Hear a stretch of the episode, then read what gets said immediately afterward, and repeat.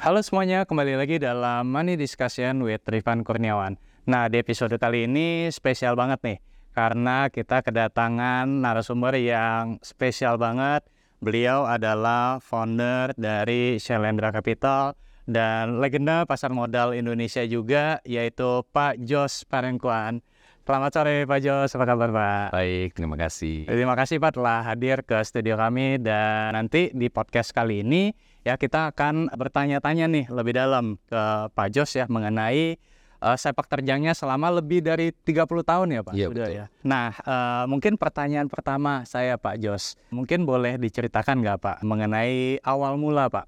Pak Jos masuk ke pasar modal tuh seperti apa? Kalau saya tahu, correct me if I'm wrong, itu sempat dari Black Monday ya Pak, kalau nggak salah. Iya. Mungkin boleh diceritakan kembali. Ya, jadi saya mungkin one of the very few people yang beruntung, beruntung dalam arti kata dari zaman kuliah udah tahu mau ngapain nantinya gitu Hmm. loh. Dan itu terjadi karena waktu saya lagi kuliah eh, di tahun 87, satu hari tiba-tiba saya masuk ke kampus hari Senin bulan Oktober 1987. Hmm. tiba-tiba saya lihat orang-orang pada kumpul semua kayaknya ngomongnya serius banget loh saya nggak ngerti apa-apa waktu itu Hmm. sama sekali nggak ngerti mengenai pasar modal saya tanya sama teman ada apa sih dia bilang "Wah," dia bilang "Ini belum baca berita katanya gitu loh. Itu saham-saham pada rontok semua. Hmm. Eh, pada turun mendadak pagi-pagi mar- marketnya buka langsung minus 30-40 persen semua rata-rata. Saya bilang wah nggak ngerti saya ada apa gitu loh. Ya inilah kita nggak ngerti ya. Cuma yang menarik adalah komentar orang-orang waktu itu nah inilah kalau kita main saham di pasar resikonya kayak begini nih tiba-tiba bisa anjlok gitu loh. Hmm. cuma saya pada dasarnya saya orangnya tuh uh, positive thinking Hmm. Uh, jadi saya orangnya lebih optimis daripada pesimis lah gitu. Jadi saya malah ngeliat bahwa, oh, saya bilang waktu itu salah satu perusahaan yang saya paling suka adalah Marks and Spencer di sana. Jadi Marks and Spencer harga sahamnya bagaimana? Sama lah rata turun katanya, 30 persenan gitu. Hmm. Lah, saya bilang kan Jumat kemarin company-nya masih fine-fine aja, nggak ada apa-apa. Ada toko yang ditutup nggak juga. Ada perubahan manajemen nggak juga, gitu loh, ya kan? Kok tiba-tiba sahamnya anjlok? Ya itulah pasar katanya gitu loh, ya kan? Dinamika pasar bisa kayak begitu. Saya cenderung melihat dari sisi opportunity-nya justru. Saya bilang, wah ini menarik kalau kayak begini, ya kan? Kalau nggak ada apa-apa bisa turun 30%, berarti nggak ada apa-apa juga bisa naik 30% juga dong. Sama dong, tergantung sentimen pasar seperti apa. Itulah pertama kalinya saya mulai tertarik dengan dunia saham karena saya ngelihat banyak sekali opportunity Hmm. yang uh, sering diciptakan simply karena psikologi pasar tiba-tiba berubah gitu Hmm. loh. Sejak itu baru saya mulai mempelajari gimana sih caranya main saham gitu loh ya kan. Analisanya harus bagaimana ya kan supaya kita bisa membeli saham dengan lebih tepat lah gitu. Ya. Tapi ternyata bulan Oktober hari Senin itu sekarang dikenal dengan Black Monday. Oke, waktu itu belum ada julukan Black Belum, Monday, belum, belum. ada Iya, ya. belum. Dan waktu itu eh, apa Pak yang kemudian eh, kan mu- mungkin banyak orang malah takut Pak dan memandang bahwa wah ini ber- berarti berisiko ya kan. Betul. Tapi Pak Jos waktu itu malah memutuskan untuk masuk apa yang sebenarnya mendorong Pak Jos waktu itu Pak? Jadi abis uh, kejadian Black Monday di tahun berikutnya tahun 88 keluarlah film yang sangat terkenal waktu itu namanya Wall Street. Ah, Oke. Saya pergilah nonton, pergi nonton, saya lihat, wih keren banget ya kalau orang kerja di Wall Street yang pakaiannya keren, ya kan, mobilnya keren, rumahnya keren, kantornya keren gitu ya kan. Gara-gara saya ngeliat gitu, saya bilang, wah udah deh, fix deh, gua harus jadi eh, apa harus kerja di pasar modal ya kan supaya bisa seperti si Michael Douglas gitu loh. Oke. Kepengen keren lah, kepengen kaya gitu Iya. loh ya kan. Jadi motivasinya waktu itu cuma ini kayaknya tempat yang tepat untuk kita bisa make money cepat gitu loh. I see, Iya, I see. Nah, sejak itu langsung begitu pulang ke Indonesia langsung udah langsung udah sangat determin harus masuk ke pasar modal gitu loh. Oke, tapi waktu awal itu Pak eh, Pak Jos memulai dari eh, US stock market atau Indonesia stock market atau seperti apa? Eh, enggak, mulainya dari Indonesia stock market. Mulainya dari Indonesia Iya. stock market ya. Kebetulan waktu saya balik tahun 89, akhir tahun 89, pas pasar modal kita itu baru didere- di- deregulasi oleh pemerintah. Hmm. Ada yang namanya Pakto 88, paket bulan Oktober 1988. Hmm. di mana pemerintah tiba-tiba membuka kesempatan untuk semua orang yang dengan modal rel- relatif sangat kecil waktu itu cuma 5 miliar untuk bisa mendirikan satu bank. Lima- Jadi kita dengan modal 5 miliar tadi kita bisa mendirikan satu bank ya kan. Jadi financial sectornya di de- deregulasi oleh pemerintah. Oke. Kalau tadinya banknya cuma ada beberapa cuma ada segelintir, sekarang gara-gara dibikin cuma minimum capital requirement-nya 5 miliar, mendadak semua konglomerat yang ada di Indonesia pada buka bank. Oke. Jadi semua big business groups di Indonesia buka bank sendiri gitu loh. Tapi itulah yang mulai menggerakkan ekonominya Indonesia waktu itu. I see, I see, I see. Oke, berarti tahun eh, 87 dan 88 itulah awal mula Pak Jos eh, masuk ke dunia pasar saham ya Pak? Mulai tertariknya Mulai tahun segitu. Saya kembali ke Indonesia tahun 89. Oke, oke. Boleh di-share nggak Pak waktu itu eh, jumlah emitennya masih ada berapa? Oh, cuma Masih- cuma segelintir, cuma berapa cuma nggak nyampe 30 kali. Oh, nggak nyampe 30. Nggak nyampe Bang? 30. Nggak nyampe 30 Di sekarang. tahun di tahun 90 baru mulai banyak IPO. Salah satunya adalah Astra International. Oke. Kemudian em, apa namanya kan Pak Jos juga selama eh, lebih dari 30 tahun Pak pernah mengalami mungkin tadi selain eh, Black Monday kemudian kan juga sempat ada mungkin Krismon 1998 kemudian Iya. juga eh, GFC 2008 kemudian mungkin eh, krisis lainnya termasuk COVID 2020 Pak. Hmm. Nah mungkin ada eh, cerita nggak Pak yang bisa di-sharing ke teman-teman mengenai pengalaman Pak Jos nih Pak waktu eh, 98. Nah Iya. itu saya sempat baca tuh Pak harga serat turun. Nah itu boleh diceritakan nggak Pak? Iya. Jadi saya ini udah ngalamin krisis berkali-kali sih, Hmm. ya kan. Dan eh, jatuh bangun di pasar modal juga udah berkali-kali gitu loh. Eh, cuma ya alhamdulillah setiap kali jatuh ya kan bangkitnya lebih kencang daripada jatuhnya gitu loh. Hmm. Dan setiap kali jatuh kita belajar sesuatu yang baru, ya kan. Tentunya kalau kita ngomong soal krisis yang paling dahsyat sebetulnya yang terjadi di tahun 1998. Karena waktu itu saya ingat banget eh, kurs rupiah terhadap US dollar itu typically around 2000 rupiah gitu, 2000 2200 nggak nggak bergerak jauh lah ya. iya. Dan memang selalu didesain seperti itu oleh pemerintah. Hmm. Jadi kita tidak pernah kepikir bahwa begitu terjadi eh, krisis Asian Financial Crisis, sentimen pasar segitu jeleknya dan kita baru ngerti ya ternyata yang namanya cadangan devisa Indonesia kecil banget waktu itu. Sehingga begitu diserang sama eh, hedge fund segala macam berantakan. Hmm. Dari 2000 dalam waktu relatif singkat mencapai sampai 17.000 18.000 waktu itu. Kita nggak pernah ngalamin kurs rupiah itu terdepresiasi segitu dahsyatnya dan pada saat itu karena orang minjem dalam US dollar jauh lebih murah dibandingkan rupiah. Semua perusahaan yang sudah go public itu punya pinjaman dalam US dollar dan tidak di hedge, Hmm. tidak pernah di hedge. Karena mereka bilang ngapain kita hedge? Hedging costnya segitu mahal. Sementara kita tahu persis setiap tahun rupiah palingan terdepresiasi 3-4 persen. Iya. Ya kita udah tahu lah kira-kira kayak begitu. Memang udah puluhan tahun kayak begitu gitu loh. Iya. Kecuali tahun 98 berantakan. Ya kan Hmm. dari 2000 mendadak 17.000 gitu loh. Jadi yang terjadi saat itu saya udah kerja sebagai analis. Hmm. Saya tahun 90 udah jadi analis nih di Lipo Securities waktu Hmm. itu analis saham. Cuma namanya krisis seperti itu ya sama sekali nggak pernah kepikir kan, Hmm. ya kan. Segitu dahsyatnya sehingga kalau kita lihat perusahaan yang sudah go public waktu itu tidak ada satupun yang earningsnya itu positif, Tidak ada satupun. nggak ada. Bahkan banyak sekali perusahaan-perusahaan manufacturing atau um, ya, ya yang di industri yang di uh, industri atau properti gitu ya. Um, boro-boro net uh, apa bottom line-nya negatif gitu loh. Dari gross profit-nya aja udah negatif. Ya kita bingung kan sebagai analis dulu kita belajarnya kan kalau valuasi saham ya pakai price to earnings ratio, pakai price earnings ratio ya kan. Kalau price earningsnya kalau earningsnya negatif ya kita coba pakai yang lain kita pakai price to book value Betul. ya kan. Masih negatif juga kita pakai price to operating profit atau Yeah. EV EBITDA ya kan. Now the problem is waktu itu earningsnya negatif, Iya. equity-nya negatif, operating profitnya negatif. Kita bingung ya pakai pakai pakai valuation matrix yang mana nih gitu loh ya kan untuk menganalisa saham. Jadi mabok kita ya kan. Nah sampai akhirnya saya terus terang waktu itu juga kan tahun 97 itu masih bull market gitu loh Hmm. ya kan. Itulah pertama kali saya punya net worth mencapai satu juta dolar Oke. waktu itu. Udah mencapai satu juta dolar karena orang bilang kan yang paling sulit itu kalau kita jadi investor adalah bagaimana kita mendapatkan the first one million dollars. Betul. Setelah dapat one million dollars dari 1 ke 10 tuh jauh lebih cepat gitu Yes. loh. Dari 10 ke 50 lebih cepat lagi gitu loh. Iya kan? Iya.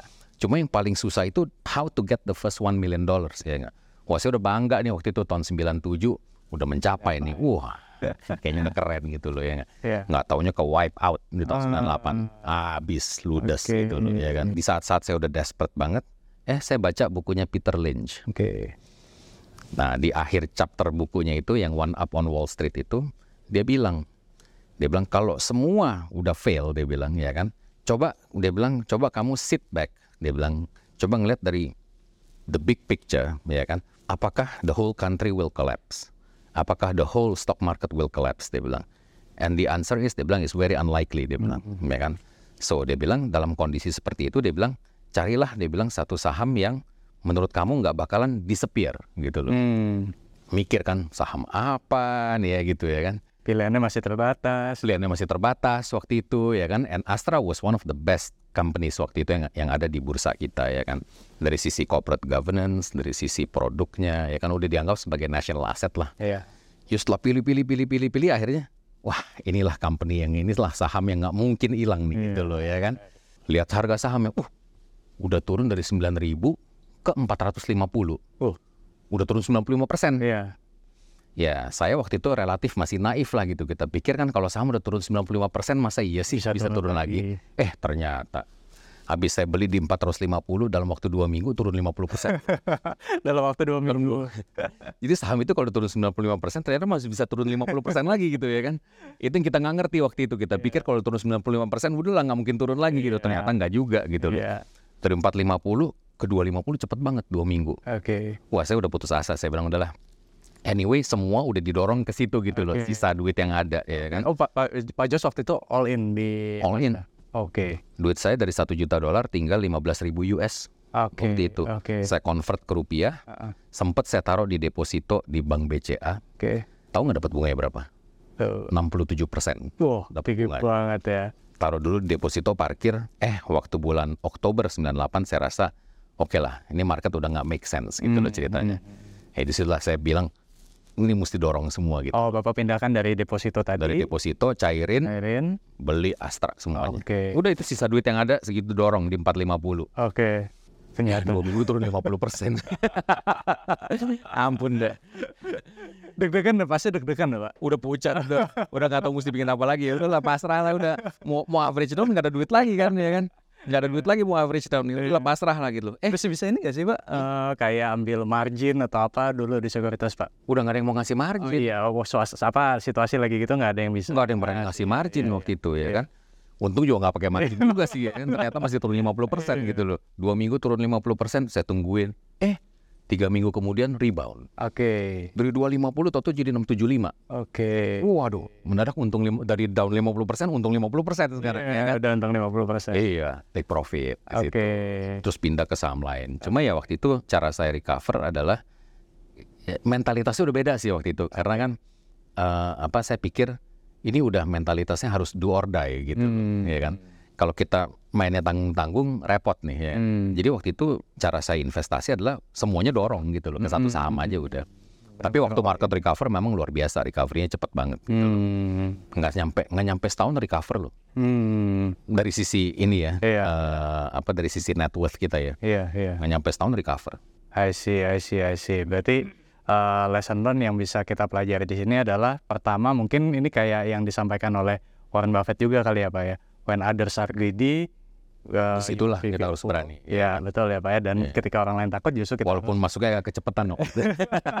Tapi kan kita memang nggak bisa tahu. Nggak bisa ya. kita nggak bisa predik lah. Persisnya bottomnya di mana nggak nggak bisa kita predik ya. I see, I see. Tapi mungkin uh, kalau dari 87 ke 98 waktu itu kan berarti kurang lebih udah 10 tahun ya Pak Jos di market ya. Berarti mungkin secara mentality juga Iya. udah mulai Saya pertama jadi analis tahun 90. Jadi tahun 98 udah 8 tahunan lah. udah 8 tahun ya. Iya, pikir udah pinter gitu 8 tahun. Ternyata begitu kena kayak gitu wah baru tahu ya kan. I see, I see.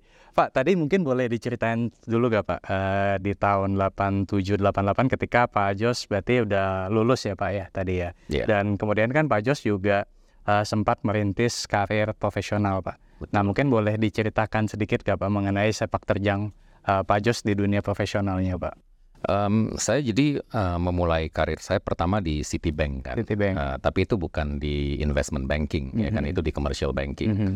setelah setahun saya berasa bahwa ini bukan dunia yang saya mau gitu loh ya kan Oke. saya maunya ke capital market Ah, ya kan akhirnya saya memutuskan untuk pindah ke Lipo Securities bergabung saya jadi jadi research analyst waktu itu Eh, belajar mengenai analisa saham itu waktu di Lipo Securities Mhm. saya kerja buat Lipo itu sekitar hampir 11 tahun Hmm. akhirnya saya pindah ke Dana Reksa di Dana Reksa saya baru mendapatkan exposure yang berbeda lah gitu ya kan Eh, nggak jadi research analyst lagi tapi saya cobain duduk di equity sales desk, Hmm. kemudian cobain proprietary trading, Hmm. gitu kan.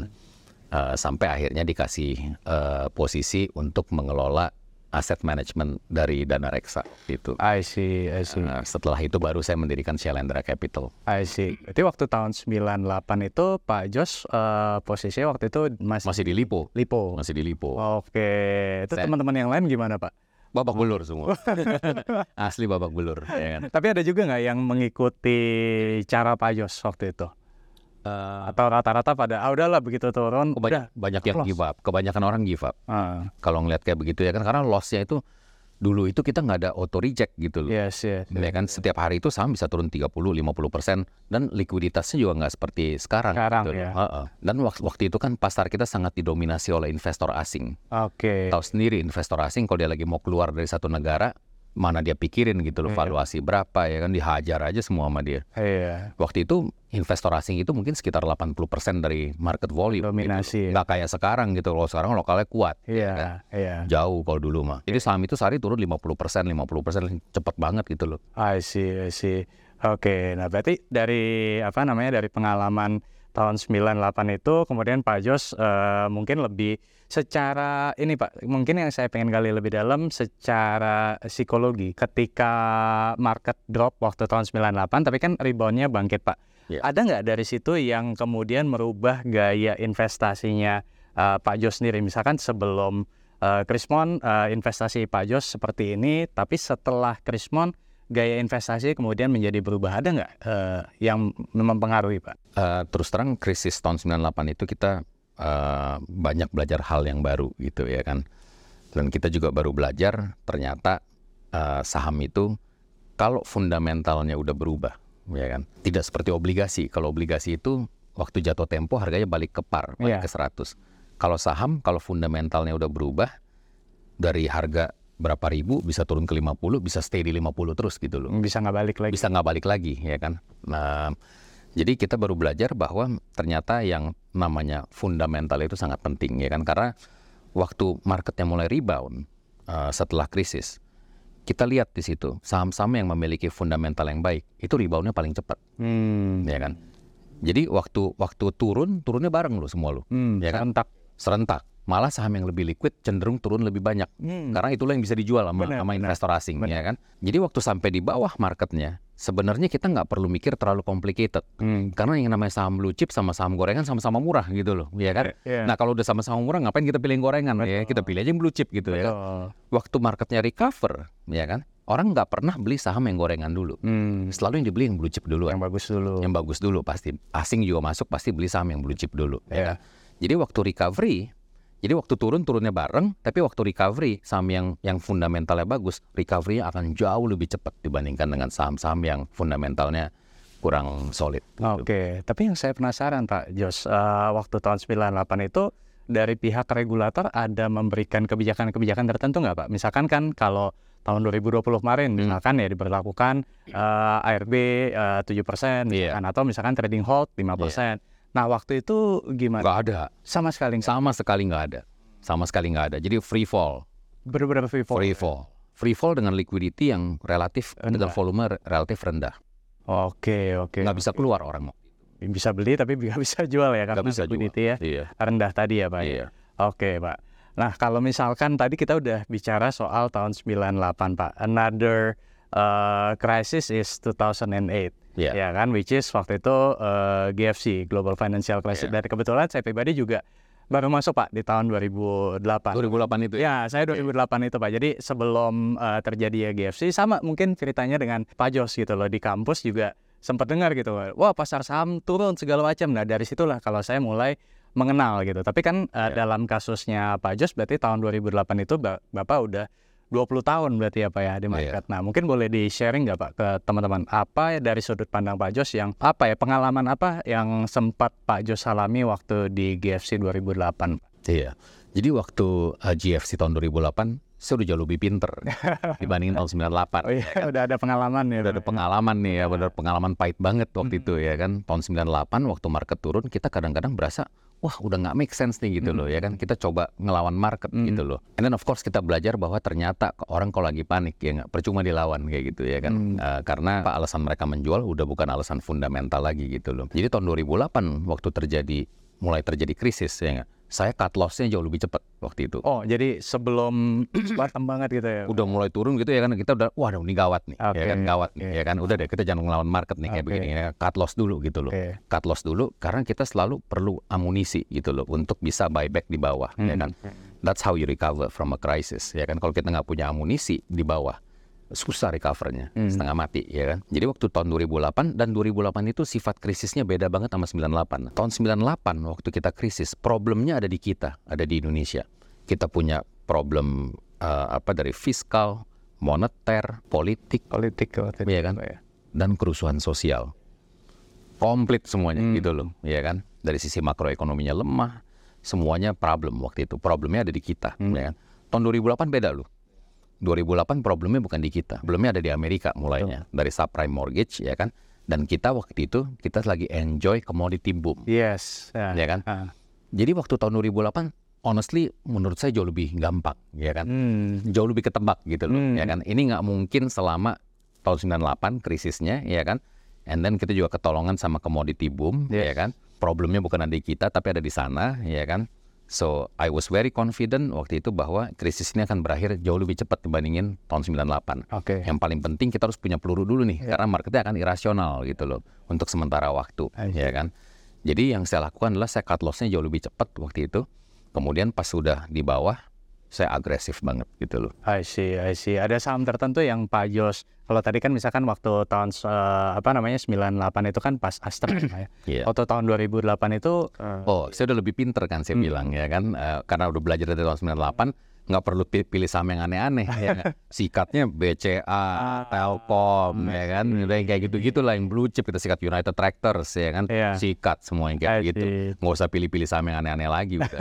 Dan ternyata bener recovery-nya jauh jauh lebih, Lebih cepat, cepat. jauh lebih cepat Iya. dibandingin yang lain-lain. Iya, kebetulan kalau waktu itu saya sama Pak eh, dengan pilihan Pak Jos waktu tahun 98. Jadi di 2008 itu saya pilihan saya Astra. Mhm. Nah, ada ada dua waktu itu Astra sama Unilever. Iya. Gitu ya, sama-sama juga cepat juga, Pak. Iya kan, jauh, jauh lebih cepat recovery-nya. Betul, betul, Ah. gitu. Oke, eh, Pak Jos, tadi kan udah sharing tentang pengalaman Pak Jos di tahun eh, 98 ya ketika krisis, kemudian eh, GFC 2008. Nah, kemudian kan eh, another big fall yang pernah kita alami itu adalah tahun 2020 kemarin, Pak. Iya. Waktu ketika COVID-19 di tahun 2020. Iya. Nah, ada pengalaman lagi nggak Pak yang bisa di-share ke teman-teman eh, apa eh, yang Pak Jos lakukan ketika menghadapi market di tahun 2020, Pak? Iya, tahun 2020 juga em, itu kasus yang sangat menarik ya kan karena again gitu loh ya kan ini krisis eh, terjadi karena sesuatu hal yang kita belum pernah ngalamin gitu Iya. semua ya kan.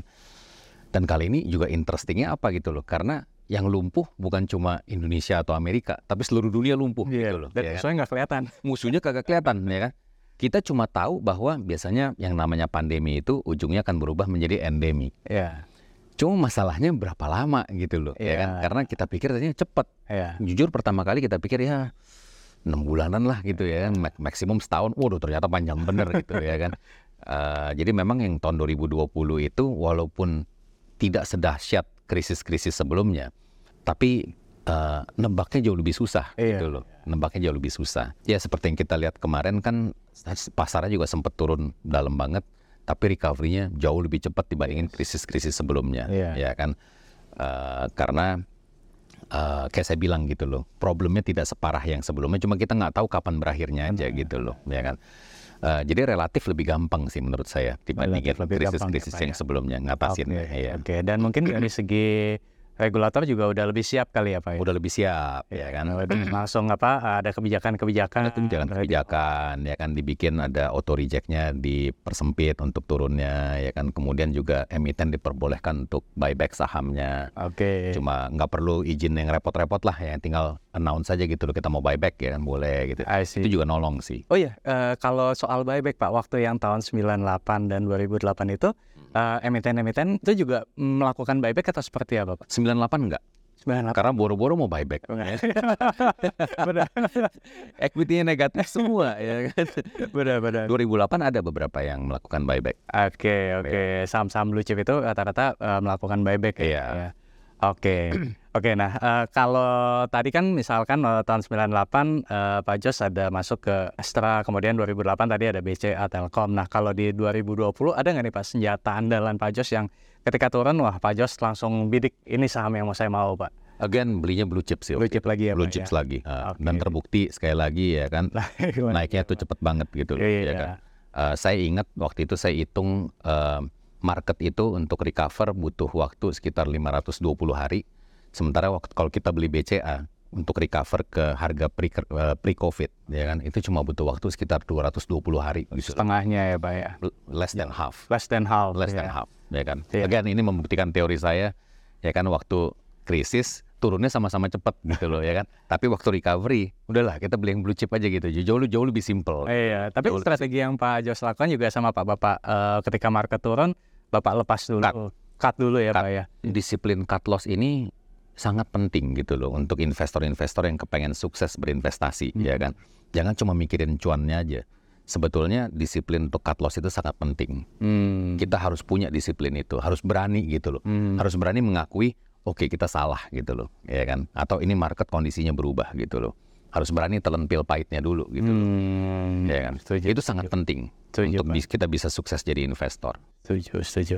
Oke, Pak Jos kan tadi eh, Pak Jos sudah banyak sharing mengenai success story lah ya kita sebut ya Pak ya di Astra, kemudian BCA, Telkom dan lain sebagainya. Nah, selama pengalaman 30 tahun lebih di market nih Pak, ada nggak cerita pahit Pak yang mungkin bisa di sharing ke eh, teman-teman nih Pak? Mungkin di luar yang ini ya, banyak banget sih cerita sedih misalkan harus uploss atau misalkan sama analisa atau seperti apa Pak Jos? ya jadi mungkin eh, apa satu cerita yang saya bisa share di sini yang mudah-mudahan berguna buat eh, orang-orang yang kepengen menjadi investor ya kan Eh, saya pernah juga melakukan kesalahan karena saya tidak disiplin dengan prinsip berinvestasi saya.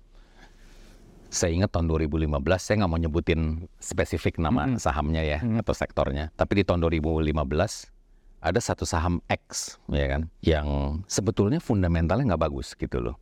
Fundamentalnya nggak bagus, track recordnya juga kurang bagus ya kan. Tapi saya mendapatkan info dan sebetulnya info ini udah beredar di pasar gitu kan bahwa perusahaan ini akan diakuisisi oleh satu perusahaan asing ya kan di harga yang jauh lebih tinggi daripada harga di pasar waktu itu ya kan? Pasar waktu itu kelihatannya aduh bener nggak ya? Bener nggak ya? gitu loh. Karena memang eh, track record dari grupnya juga kurang bagus gitu loh. Nah saya pergi ngecek ke mana-mana. Saya cek ke mana-mana infonya kayaknya solid gitu loh. Bahwa bener ini akan terjadi gitu ya kan? Masuklah saya ke saham itu. Saya masuk ke saham itu eh, kalau nggak salah saya punya average cost itu sekitar 250-an gitu loh. Tapi yang saya tidak pernah perhitungkan bahwa ini yang mau akuisisi ini emiten dari luar negeri. Ternyata terjadi perubahan kondisi politik di luar negeri di negaranya sehingga rencana mereka untuk mengakuisisi akhirnya batal. Ya kan? Ah, I see.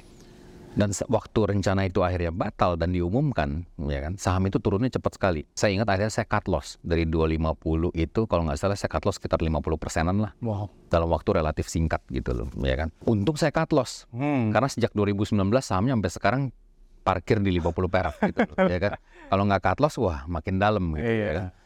Cuma yang saya mau bilang di sini adalah begini, inilah pentingnya kita selalu mengerti fundamental dari satu saham, ya kan. Saya nggak disiplinnya apa, ini against my principle, my investing principle, ya kan. Saham udah tahu fundamentalnya nggak bagus, ya kan. Hanya karena ada info seperti itu, ya kan, kita paksain beli juga gitu loh, ya kan.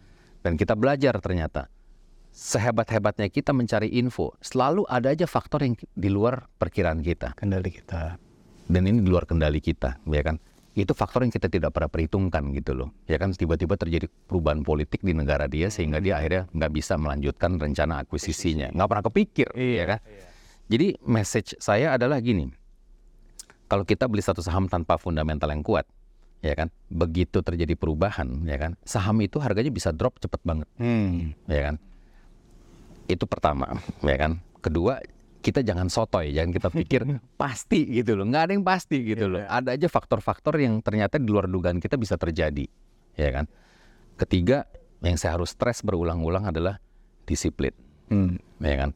Harus disiplin, ya kan? Kalau kita udah punya prinsip seperti itu, udahlah disiplin gitu loh, Hmm. ya kan?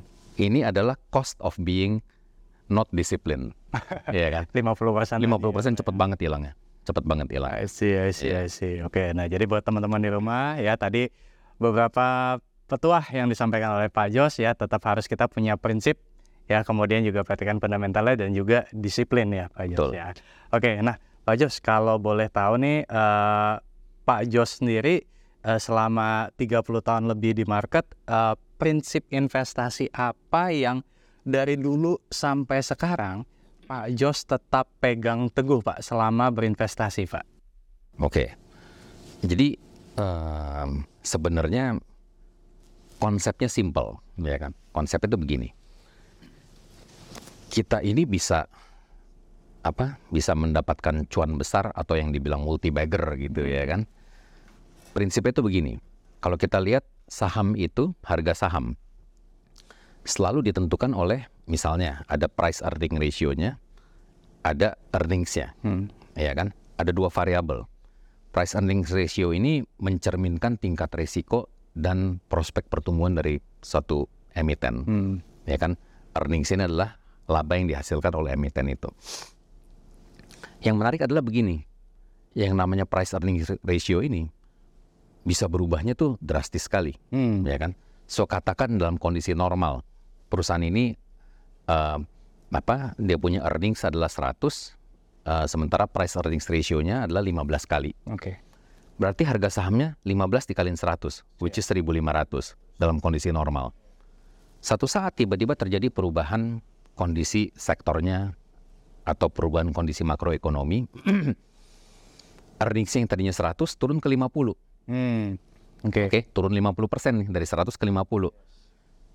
Yang terjadi adalah PE ratio itu tidak stay constant di 15 kali. Waktu pasar berasa tidak confident terhadap prospek dari perusahaan ini, PE ratio itu bisa mengalami kontraksi dari 15 kali menjadi 5 kali. Hmm. Berarti kalau earningsnya turun jadi 50 perak, sementara PE ratio-nya terjadi kontraksi dari 15 ke 5 kali, Mhm. harganya tinggal sekarang 250. Betul. Dengan kata lain, waktu earnings turun 50%, harga saham itu bisa turunnya jauh lebih gede dari 50%. Melebihi. Dalam hal ini turunnya 83%, Ya. ya kan? Tapi yang menarik adalah sebaliknya juga benar gitu loh. Hmm. Waktu earningsnya naik dari 50 jadi 100 lagi, Hmm. itu PE ratio bisa naik dari 5 kali menjadi 15 kali karena pasarnya mendadak jadi confident sekarang, ya kan? Berarti dari harga 250 perak sekarang harganya tiba-tiba bisa loncat menjadi 1500, Hmm. balik lagi ke 1500. Jadi earningsnya double tapi harga sahamnya naik 6 kali lipat, ya kan? Ya lebih besar. Ini yang menyebabkan volatility di pasar, ya kan? Makanya kita selalu bilang ya kan, saham itu selalu overshoot. Waktu turun overshoot, waktu naik juga overshoot. Overshootnya terjadi karena psikologis pasar, ya kan? Karena market sentiment itu bisa berubah sangat ekstrim gitu loh. so yang kita cari adalah selalu saham yang kita bilang mispriced by the market, Hmm. ya kan? Mispriced karena eh, terjadi perubahan kondisi ekonomi atau perubahan sektoral, ya kan? Sehingga confidence pasar terhadap saham ini mendadak drop. Hmm. Waktu confidence pasar drop, ya kan harga itu turunnya bisa ekstrim. PE multiple-nya bisa terjadi kontraksi jauh banget. Hmm. Kita harus menganalisa sekarang bagaimana caranya saham yang tadinya turun segitu banyak bisa balik lagi seperti sedia kala, ya kan? Hmm. Dengan kata lain, waktu turun itu terjadi de-rating kita bilang Hmm. terhadap eh, valuasi sahamnya. Waktu dia naik akan terjadi re-rating. Rating. Kita mau cari saham yang bisa re-rate, Hmm. ya kan? Hmm. Nah, untuk kita bisa mencari saham seperti ini, kita harus mengerti analisa fundamentalnya. Kita harus bisa menganalisa benar nggak perusahaan ini akan survive waktu dia udah nyampe di bawah nih, Hmm. ya kan? Hmm. Pengalaman manajemennya seperti apa, Hmm. produknya seperti apa, sektor outlooknya seperti apa, balance sheet structure-nya seperti apa, ya kan? Itu yang kita pelajarin tuh analisa fundamentalnya, Hmm. ya kan? Kadang-kadang orang bilang wah perusahaan ini banyak utang, utang itu nggak jelek loh Hmm. nggak selalu jelek, ya kan? Dalam kondisi di mana ekonomi kita lagi mulai mengalami akselerasi, kita mau beli saham yang justru utangnya lebih banyak Dia bisa ekspansi lebih cepat ya. Karena dia punya ekspansi akan lebih cepat gitu. Pertumbuhan labanya akan jauh lebih cepat kalau dia leverage, kalau ada leverage, ya kan. Jadi yang namanya leverage itu is not necessarily bad, Hmm. ya kan. Dalam kondisi tertentu malah bisa menguntungkan perusahaannya. Hmm. Itulah analisa analisa yang kita cari, ya kan. Eh, kita mau cari saham yang mana yang bisa re-rate, ya kan. Saham mana yang mispriced sekarang ini, tapi kita yakin bahwa pasar ini terlalu pesimis terhadap saham ini. Hmm. Padahal prospeknya jauh lebih bagus kalau kita sabar menunggu, gitu loh, ya kan. I see, I see. Itulah kenapa saya bilang ya kan eh, kita harus sabar gitu loh. Karena untuk kita bisa menikmati yang namanya multi bagger itu ya kan. Multi bagger itu hanya bisa terjadi karena sahamnya re-rate. Yes. Earningsnya tiba-tiba loncat, PE multiple-nya juga tiba-tiba re-rate Iya. gitu loh. Baru kita bisa dapat multi bagger. I see. Kalau nggak susah Iya. ya kan. Kalau cuma ngandelin earnings growth doang susah gitu loh untuk multi bagger I ya kan. Dan pasti butuh konsistensi dan kesabaran juga ya Pak untuk mendapatkan hasil. Exactly.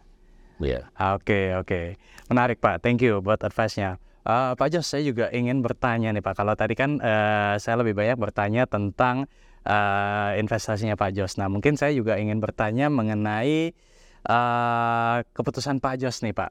Dari yang sebelumnya sebagai seorang profesional dan kemudian mendirikan Shalendra Capital. Mungkin boleh di-sharing nggak Pak? Eh, apa yang waktu itu melatar belakangi Pak Jos untuk kemudian memutuskan gitu bahwa eh, dari yang tadinya menjadi eh, top position di apa namanya di eh, apa sebagai profesional kemudian Bapak eh, beralih gitu Pak untuk mendirikan eh, Shalendra Capital Pak. Saya berasa tertantang waktu itu. Tertantang karena begini. Waktu tahun 2007 kita mulai Shalendra Capital. Industri eh, fund management ini sangat didominasi oleh beberapa pemain asing di Indonesia, ya kan. Kita merasa bahwa harusnya banyak sekali talenta lokal yang juga udah cukup matang, ya kan, dan bisa compete dengan yang asing-asing ini.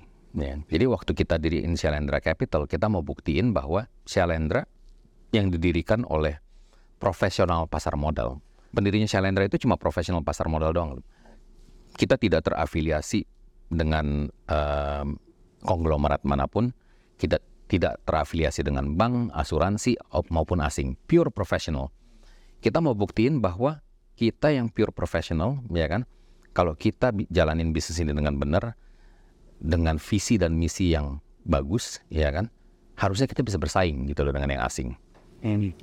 Dan alhamdulillah kita bisa membuktikan itu gitu loh. Shalendra yang kita mulai tahun 2007 dari nol, benar-benar nol gitu ya kan. Harus ketok pintu kanan kiri ya kan eh, untuk dapetin dana kelolaan.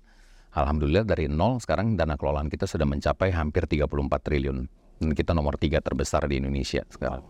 Luar biasa. Jadi kita kepengen buktiin dan kita kepengen menginspirasi eh, generasi yang lebih muda di bawah kita bahwa kalian jangan takut gitu loh, ya kan? Jangan takut hanya karena di belakang kita tidak ada nama-nama besar, nggak berarti kita nggak bisa sukses gitu loh. Kita bisa sukses, ya kan? Selama kita jalanin bisnis ini dengan benar, secara profesional, dengan nilai-nilai yang kita tanamkan demi untuk kebaikan eh, industri dan juga nasabah kita gitu loh. I see, I see. Nah, Pak, Pak Jos tadi sempat menyampaikan bahwa tahun eh, Shalendra berdiri tahun 2007 ya Pak ya? Betul. Betul kan ya? Dan setahun setelahnya kan 2008 eh market turun. Krisis. Itu gimana Pak? Ada cerita tersendiri nggak Pak? Wah baru satu tahun tapi ternyata market tajam sedemikian eh, ininya Pak, turunnya Pak. Tuh. Iya, jadi tahun 2007 itu wah luar biasa sih ya kan. Eh, kayaknya gampang bener. Iya lagi ya kan? tulis saya Pak. Lagi bullish banget kan gitu ya kan komoditi segala macam. Yes. Produk pertama kita itu kita bikin discretionary fund waktu itu. Oke. Isinya saham semua. Oke. Produk pertama kita itu namanya Shalendra Opti Growth Fund. Di tahun 2007 itu returnnya mencapai 144 persen. Ya, Iya kan? wow. Cuma saya udah pengalaman kan nih waktu itu kan udah mulai pengalaman. Saya bilang kok kayaknya make money-nya gampang banget gitu loh. saya, saya selalu curiga gitu loh. Kok kayak, kayaknya gampang banget gitu. Kalau gampang banget something must be wrong gitu loh ya kan. Dan ternyata bener ya kan tahun 2008-nya waduh ada tsunami kayak begitu ya kan. Eh, tapi again kayak saya bilang eh, untungnya kita udah cukup berpengalaman waktu itu kita udah ngalamin berkali-kali nih ya kan cerita sedih gitu loh ya kan. Eh, jadi waktu kita ngeliat eh, wah ini kayaknya gawat nih gitu loh ya kan. Kita cepet cut loss-nya Hmm. kita cut loss, kita punya cash position waktu itu sekitar eh, hampir 60%, punya cash position 60% aja, itu NAV masih bisa turun 40 persenan loh. Ah, Bayangin tuh, gimana Oke. kalau kita fully invested gitu ya kan. Cash 60 persennya turunnya masih dalam, I see. dalam banget, I see, ya kan. I see. Tapi, Tapi, Ah, tapi dengan cash 60% itu waktu marketnya nyampe di bawah, kita punya enough ammunition gitu loh untuk average down. Oke, tapi eh, bagaimana strategi Pak Jos waktu itu meyakinkan para nasabah gitu untuk pastikan banyak juga nasabah yang panik segala macam belum sepengalaman Iya. Pak Jos. Nah, mungkin berpikiran untuk withdraw segala macam gimana? Jadi waktu itu nasabah kita belum banyak. Nasabah kita kebanyakan institusi lah semuanya, dana pensiun, yayasan gitu ya kan. Yang kita bikin waktu itu adalah kita undang semuanya ke kantor. Oke. Kita bagi gitu. Satu hari lima orang, li- lima, lima institusi gitu ya kan. Oke. Dua minggu loh kita panggilin mereka semuanya kita undang. Saya coba jelasin. Karena waktu itu saya kebetulan saya punya pengalaman tahun 98 seperti apa. Saya ceritain mereka. Saya bilang "Eh, ini bukanlah waktu yang tepat untuk menjual investasi Anda gitu loh, ya kan? Karena kita lihat aja valuasi nggak make sense gitu sama sekali. Banyak saham, beberapa saham itu trading below its cash value Hmm. waktu itu, ya kan? Udah, tapi market ini irasional memang. Saya bilang market ini kalau kayak gini bisa irasional bisa cukup lama loh ya kan. Nah, Cuma menurut saya nggak make sense untuk kita jualan di level segini gitu loh. Malah saya bilang harusnya inilah saat yang tepat untuk kita masuk, hmm. ya kan? Dua minggu setiap hari kita panggilin pelayan lima orang, lima orang, lima orang, lima orang, nggak ada lo yang beli, nggak ada yang top up sama sekali, ya kan? Pada takut ya Pak ya? So gitu takutnya orang, ya kan? Dan di akhir dua minggu itu saya bilang, this is the time to buy, saya bilang, ya kan? Oke. Karena kita udah ngecap segitu panjang lebar, ya kan? ternyata fear factornya itu jauh lebih gede daripada uh, opportunity yang ada di pasar, sehingga orang tidak satu pun dari semua klien kita yang top up loh, nggak ada loh. Oke. Dan saya bilang it's time kita deploy kita punya cash masuk ke pasar, saya bilang. Oke. Ini sentimen udah super negatif saya bilang ya kan. Biasanya di situlah market akan mencapai bottom saya I bilang ya, see. dari pengalaman-pengalaman sebelumnya. Dan, dan ternyata kita benar, Iya, kita benar. I see, I see. Menarik. Oktober 2008 kita masuk ke pasar agresif, kita fully invested. Iya. Bulan Mei 2009 kita punya NAV udah balik ke pre-crisis level. Uh, iya, iya. So, Cepat less, less than one year ya. Less than one year udah balik. Iya, benar-benar. Itu menarik sih kalau ingat masa-masa itu ya. Iya Pak. kan? Dalam sejarahnya pasar modal Indonesia, ya kan, itulah sekali-sekalinya pasar itu sampai disuspend lo, ingat nggak? Iya, betul. libur beberapa hari itu Yes, kita waktu benar, itu benar. ditutup. Tahun 98 aja nggak begitu. Nggak, gitu ya. Iya, itu di- kita disuspend pasarnya. Oke, Pak Jos, eh, saya juga pengen bertanya Pak, Eh, dari eh, Shalendra b- berdiri selama berarti kurang lebih udah 17 tahun 17 ya? tahun. 17 tahun ya. Uh, what kind of uh, vision uh, that Shalendra have Pak? Ya maksudnya yang selalu dipegang dari dulu sampai sekarang Pak. Vision dari Shalendra Capital ini uh, apa Pak Jos? Oke. Jadi kita itu kepengen diingat sama nasabah dan masyarakat sebagai eh, manajer investasi yang banyak melakukan perubahan di Indonesia, ya kan? Perubahannya apa? Perubahannya adalah kita banyak melakukan edukasi kepada eh, masyarakat luas. Kita banyak memberikan pengetahuan yang baru buat mereka mengenai investasi, ya kan? Kita banyak melakukan dobrakan-dobrakan gitu loh. Em, karena kita ngelihat bahwa banyak sekali masyarakat Indonesia yang masih belum mengerti mengenai investasi. Ya kan? Kalau kita lihat jumlah eh, investor di reksadana atau jumlah investor yang ada di pasar modal lah, jumlahnya relatif masih kecil banget dibandingkan dengan kita punya total population, ya kan? Kebanyakan orang itu masih sangat banking minded, ya kan? Mereka nggak ngerti, mereka pikir investasi itu eh, apa terlalu spekulatif lah, Gila. kadang-kadang duit bisa hilang, ya kan? nah kita mau mencoba menghilangkan stigma itu gitu loh. Em, jadi makanya eh, dua tahun terakhir ini eh, Shalendra banyak sekali melakukan penetrasi ke segmen retail sekarang. Mm. Ya kan? Kalau tadinya kita dana kelolaan kita sangat didominasi oleh pemodal institusi, investor institusi. eh, sekarang kita mulai melakukan penetrasi yang lebih dalam eh, ke investor-investor retail supaya masyarakat luas ini juga bisa menikmati hasil produk-produk kita yang menurut kami cukup bagus gitu loh, Hmm. ya kan? Itu adalah impian kita gitu loh. Kita kepengen masyarakat luas lebih mengerti mengenai investasi di pasar modal uh, dan kita siap melakukan edukasi ke masyarakat gitu loh. Oke, ya luar biasa Pak. Berarti juga sekarang juga eh, jumlah investor sejak pandemi melonjak cukup signifikan juga ya Pak. Terus terang kita ketolongan banget loh sama pandemi, Iya, ya kan? iya. Kalau sebelum pandemi susah banget gitu loh ngajakin orang berinvestasi ya. Iya. Gara-gara pandemi mungkin karena kurang kerjaan waktu itu ya kan. Akhirnya pada belajar kan, wah Iya. main saham itu seperti apa sih, beli reksadana seperti apa sih, Yes. main kripto seperti apa ya kan. Iya, Akhirnya mereka jadi lebih terbuka gitu loh sekarang Yes. pikirannya. iya, Eh, setuju. sejak pandemi kita ketolongan banget sih. Iya.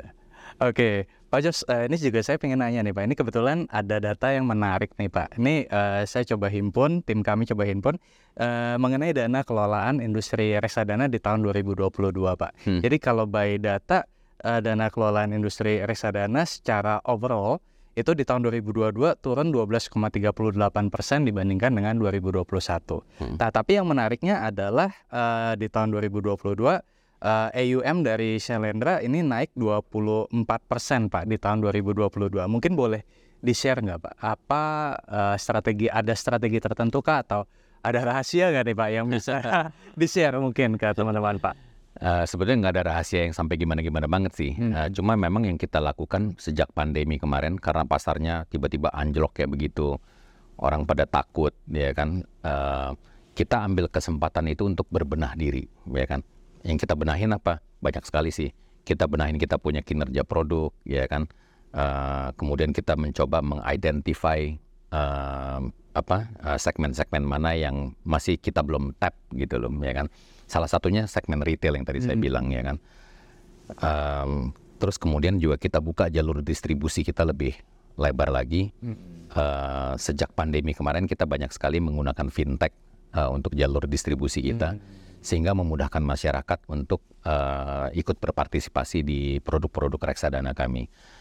Nah, em, jadi waktu tahun 2022 kemarin memang eh, apa apa yang kita udah lakukan itu mulai membuahkan hasil. Ya kan? Kita juga mencoba mengidentify dalam kondisi pasar seperti ini kira-kira produk seperti apa sih yang orang-orang lebih suka ya kan. Hmm. Ternyata memang karena pengalaman tahun 2020 kayak begitu ya kan banyak orang yang lebih nyaman dengan produk-produk yang berbasis fixed income ya? Hmm. karena returnnya jauh lebih stabil ya kan. Walaupun hasilnya tidak hebat-hebat banget tapi paling nggak orang masih agak trauma nih gara-gara ya kan kejeduk di pasar modal lah ada yang kejeduk di kripto ada yang kejeduk di NFT ya kan. Jadi orang-orang kayaknya kepengennya produk yang lebih stabil aja deh gitu returnnya nggak usah hebat-hebat banget gitu ya kan. Jadi kita juga kita perkuat produk-produk kita di segmen itu sehingga hasilnya eh, alhamdulillah bagus banget sih di tahun 2022 tahun 2023 ini juga masih berlanjut gitu I see, I see, I see. Oke, nah eh, Pak Jos, eh, mungkin saya juga pengen tadi kan Pak Jos eh, sempat eh, mention sedikit Pak mengenai apa ya kita sebut mungkin eh, alternative investment lah ya Pak sejak eh, pasca 2020 itu kan ya ada kripto kemudian ada NFT. Mungkin boleh di share nggak pandangan eh, seorang Pak Jos terhadap eh, alternative investment itu karena kan kalau di market ada yang pro, ada yang cons, ya kan ada yang benar-benar eh, ya bilang itu tidak bernilai, tapi ada juga yang bilang bahwa eh, apa ini lebih ya quote unquote lebih menarik, lebih seksi dari saham dan sebagainya. Tapi yang saya pengen tahu eh, kalau dari seorang Pak Jos, eh, bagaimana pandangan Pak Jos melihat eh, alternative investment seperti itu, Pak? Em, ya terus terang ya mohon maaf saya I'm, I'm not a big fan of cryptos Hmm. ya kan? Eh, salah satu alasan adalah begini. Kalau saya beli saham BCA misalnya saya tahu persis ya kan track record dari manajemennya seperti apa struktur balance sheet mereka seperti apa produk-produk mereka seperti apa. Kalau saya beli sekarang saya tahu lima tahun kemudian kira-kira ini akan jadi seperti apa ya kan Eh, yang saya beli dalam hal ini walaupun saham tapi it's a productive asset. Hmm. ya kan? Kalau saya beli bitcoin ya kan? Saya beli satu unit bitcoin hari ini lima tahun lagi jadi apa? Nobody knows. tetap begitu-begitu aja kan? Ah, bayar dividen enggak enggak Nah, ya kan? Produknya berkembang apa enggak enggak begitu-begitu aja ya kan? Kita cuma dikasih tahu bahwa supply-nya udah fix ya kan? Tapi terus kenapa harganya harus naik gitu loh? Hmm. di aset doesn't produce anything. Hmm. ya kan? Hmm. karena itu saya punya problem dengan investasi di kripto karena saya saya nggak ngerti gitu yang saya pegang ini lima tahun lagi jadi apa gitu loh. Hmm. Ya, kalau beda loh kalau saya beli saham Apple misalnya, wah dia akan keluarin produk-produk baru, dia melakukan stock buyback, balance sheetnya net cash, ya kan, dengan dengan eh, apa eh, cash yang segitu banyak, ya kan, manajemennya track recordnya udah ter, udah teruji semuanya. It's very clear gitu loh. Iya, Ya kan, saya saya tahu kira-kira kira-kira apa yang saya bisa expect dari saham ini lima tahun kemudian. Hmm. Tapi kalau saya beli kripto apa gitu loh? Apa? Pegangan saya itu apa gitu loh, ya kan? Hmm. Eh, yang keluarin kripto ini pertama kali kita nggak ngerti siapa gitu loh, kayak, kayak misalnya kayak Bitcoin, ya kan? Hmm. Um, so saya agak agak bermasalah gitu loh dengan investasi itu karena saya nggak ngerti gitu loh. Hmm. Saya berasa saya nggak ngerti. If I don't understand enough, mendingan saya tidak ikutan gitu loh. I see, I see, I see. Oke, nah, uh, Nothing personal against Nothing, yeah. nothing personal. I just don't understand it enough. yes, ini balik lagi ke apa preferensi masing-masing investor lah ya Pak. Iya. Oke, oke. Nah, kalau Pak Jos sendiri eh, di apa namanya? Kalau boleh di spill sedikit nih Pak, kan Pak Jos juga eh, bukan hanya di market Indo tapi juga mungkin di US market dan lain sebagainya Pak. Eh, apakah eh, boleh di share gak Pak? Mungkin kayak eh, portfolio allocation Pak. Mungkin kalau kita bicara roughly aja Pak, misalkan sekian persen di saham Indo atau sekian persen di saham eh, US, itu buat gambaran Pak. Boleh di share nggak kira? Um, tadinya saya eh, apa lumayan signifikan lah investasi di luar negeri ya kan coba main saham atau kita beli eh, apa eh, structured products di sana kadang-kadang beli reksadananya juga segala macam. Tapi lama kelamaan ternyata nggak tahu ya mungkin karena kita kurang ngerti hasilnya juga kurang optimal gitu loh. Um, jadi saya lama-lama mulai berpikir aduh investasi yang di Indonesia aja kita sering salah gitu loh.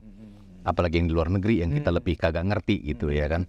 Sehingga eh, belakangan ini sebetulnya saya punya alokasi untuk investasi di luar negeri itu sangat kecil sih I see. nggak nyampe 5% I see. Berarti majority di majority di sini sini ya, Pak. yang di sini aja masih sering salah ya kan apalagi di luar negeri gitu balik lagi ke kita memahami atau tidak ya Pak apa eh, Exactly. investasi kita ya Iya, Pak ya. iya. walaupun nyesel juga kalau melihat sahamnya Apple ya, aduh, kayak Iya. healthy, ya kan Benar benar. aduh gue udah berasa nih ya kan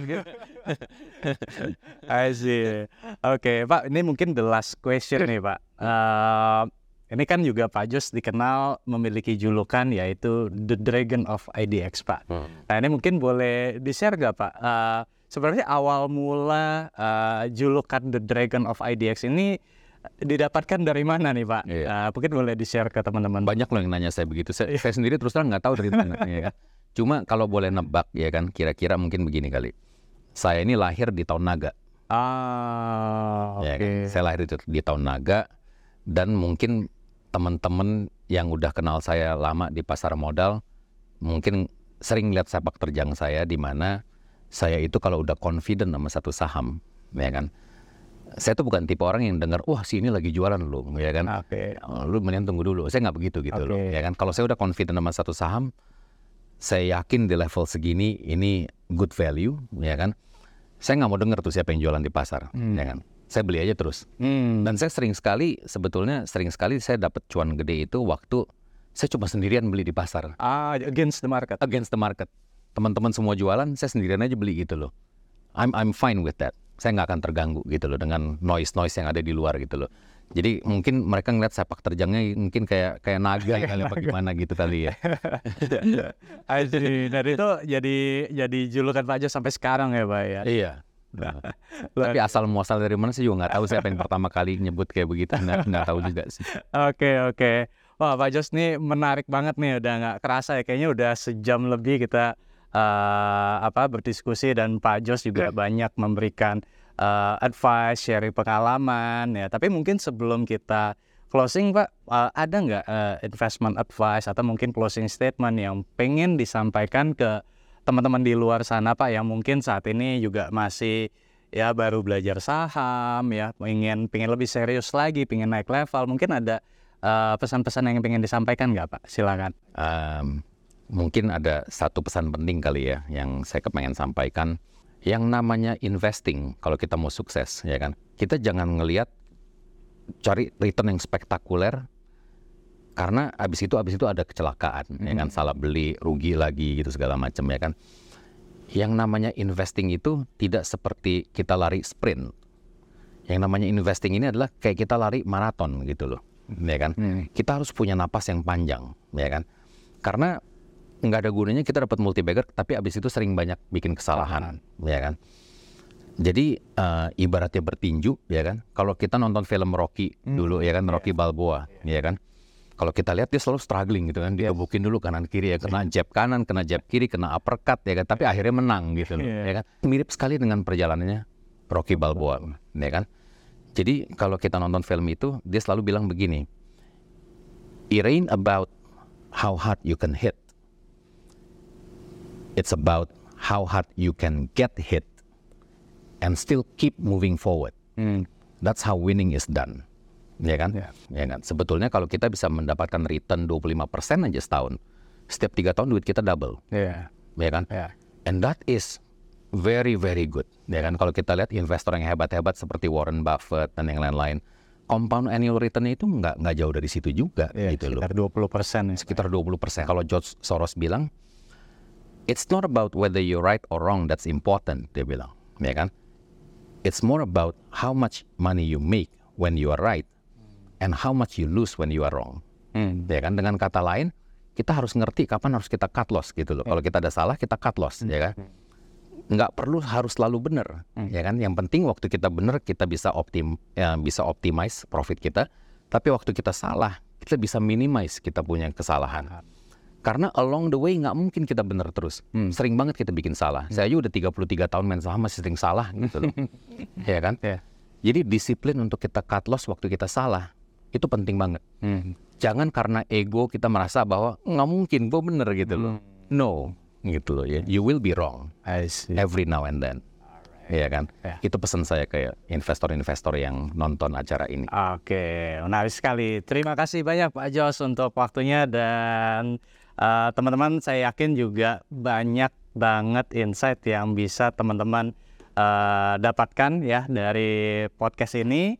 Ya, sekali lagi saya mengucapkan terima kasih Pak Jos untuk waktunya. Sama-sama Rifan, Ya. saya juga terima kasih udah diundang ke acaranya. Terima kasih Pak dan terima kasih juga buat teman-teman yang udah menonton eh, podcast ini dan kalau kamu suka dengan podcast ini ya silahkan eh, klik like, subscribe, share. Oh iya dan juga jangan lupa eh, saya juga sempat main di eh, podcastnya eh, Shelendra ya jadi bisa nonton juga ya eh, podcast eh, saya di eh, podcast Shelendra nanti linknya juga eh, kita taruh di kolom deskripsi ya. Jadi habis dari sini teman-teman bisa eh, nonton podcastnya di channelnya Shelendra Capital juga. Oke sekali lagi terima kasih Pak Jas atas waktunya. Dan sampai ketemu lagi di session money discussion berikutnya. Bye bye semuanya terima kasih Pak Jos Sama-sama.